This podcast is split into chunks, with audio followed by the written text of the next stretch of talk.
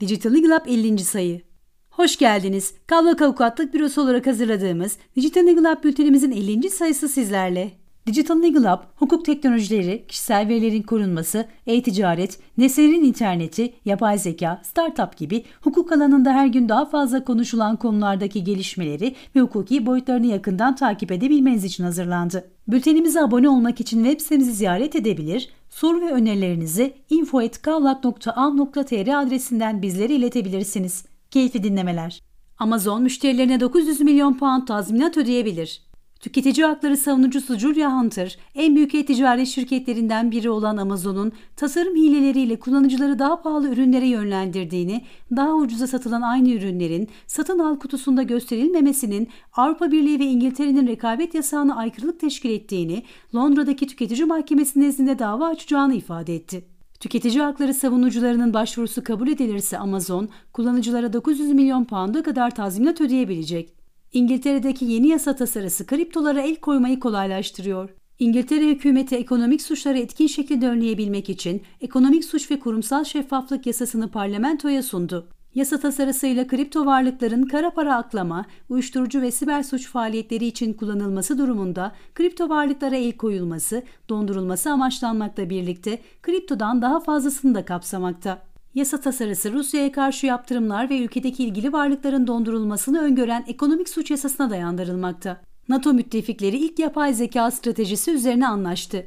Belçika'nın başkenti Brüksel'de yapılan NATO Savunma Bakanları toplantısının ardından basına açıklama yapan NATO Genel Sekreteri Jens Stoltenberg, müttefiklerin bugün NATO İnovasyon Fonu oluşturmak için anlaşma imzaladığını, NATO İnovasyon Fonu kapsamında NATO ülkelerindeki mucitlere 1 milyar euro yatırım yapılmasını beklediğini belirtti. Fonun daha büyük bir resmin bir parçası olduğunu dile getiren Stoltenberg, beraberinde Dayana denilen savunma inovasyon hızlandırıcısında inşa ettiğini, ittifak genelinde teknoloji test merkezleri ve hızlandırıcı siteler ağı sağlayacağını bildirdi.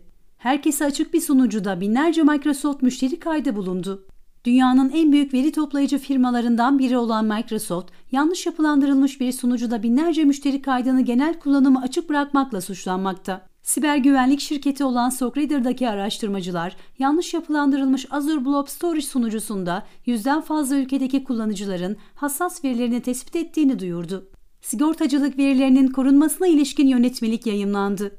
Sigortacılık verilerinin toplanması, saklanması ve paylaşılmasına dair yönetmelik 31987 sayılı ve 18 Ekim 2022 tarihli resmi gazetede yayınlanarak yürürlüğe girdi. Yönetmelikle Sigortacılık ve Özel Emeklilik Düzenleme ve Denetleme Kurumu'nun sigortacılık verileri üzerinde gerçekleştirilen her türlü işleme yönelik usul ve esasları düzenlenmektedir. Üye kuruluşların sorumlulukları ve bilgi verme yükümlülükleri gibi hususlarda düzenlenmektedir.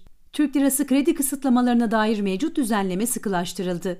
Bankacılık Düzenleme ve Denetleme Kurulu 24 Haziran 2022 tarihinde aldığı ve aynı gün duyurduğu 10.250 sayılı kararıyla Türk lirası kredi kullanımlarına döviz varlığı sınırlaması getirmişti. Anılan kararla bankalar ve finansal kuruluşlar dışındaki 660 sayılı kanun hükmünde kararname ve ilgili düzenlemeler uyarınca şirketlerin kredi başvurusu yaptıkları tarih itibariyle yabancı para varlıklarının Türk lirası karşılığının 15 milyon Türk lirasının üzerinde olması halinde ve şirketin yabancı para nakdi varlıklarının Türk lirası karşılığının aktif toplamından veya son bir yıllık net satış hasılatından büyük olanının %10'unu aşması durumunda Türk lirası cinsinden kredi kullanamayacakları düzenlenmişti.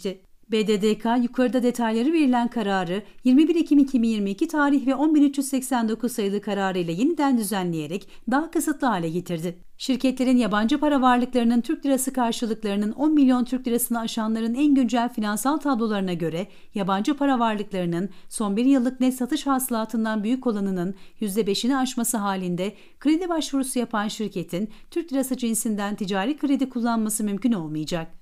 Basın kanunuyla bazı kanunlarda değişiklik yapılmasına dair kanun yürürlüğe girdi. Basın kanunuyla bazı kanunlarda değişiklik yapılmasına dair kanun 3 Ekim 2022 günü Türkiye Büyük Millet Meclisi tarafından kabul edilerek 1 Kasım hükmü yayım ile yürürlüğe girerken 1 Kasım hükmü ise 1 Nisan 2023 tarihinde yürürlüğe gireceği kararlaştırıldı. Kanunla 5187 sayılı basın kanunu, 5237 sayılı Türk Ceza Kanunu ve 5651 sayılı internet ortamında yapılan yayınların düzenlenmesi ve bu yayınlar yoluyla işlenen suçlarla mücadele edilmesi hakkında kanun hükümleri hizmetlerinde değişiklikler ve eklemeler yapıldı. Kanun özellikle internet haber siteleri, sosyal ağ sağlayıcılar ve şebekeler üstü hizmet veren hizmet sağlayıcıları hakkındaki düzenlemeleriyle dikkat çekmektedir.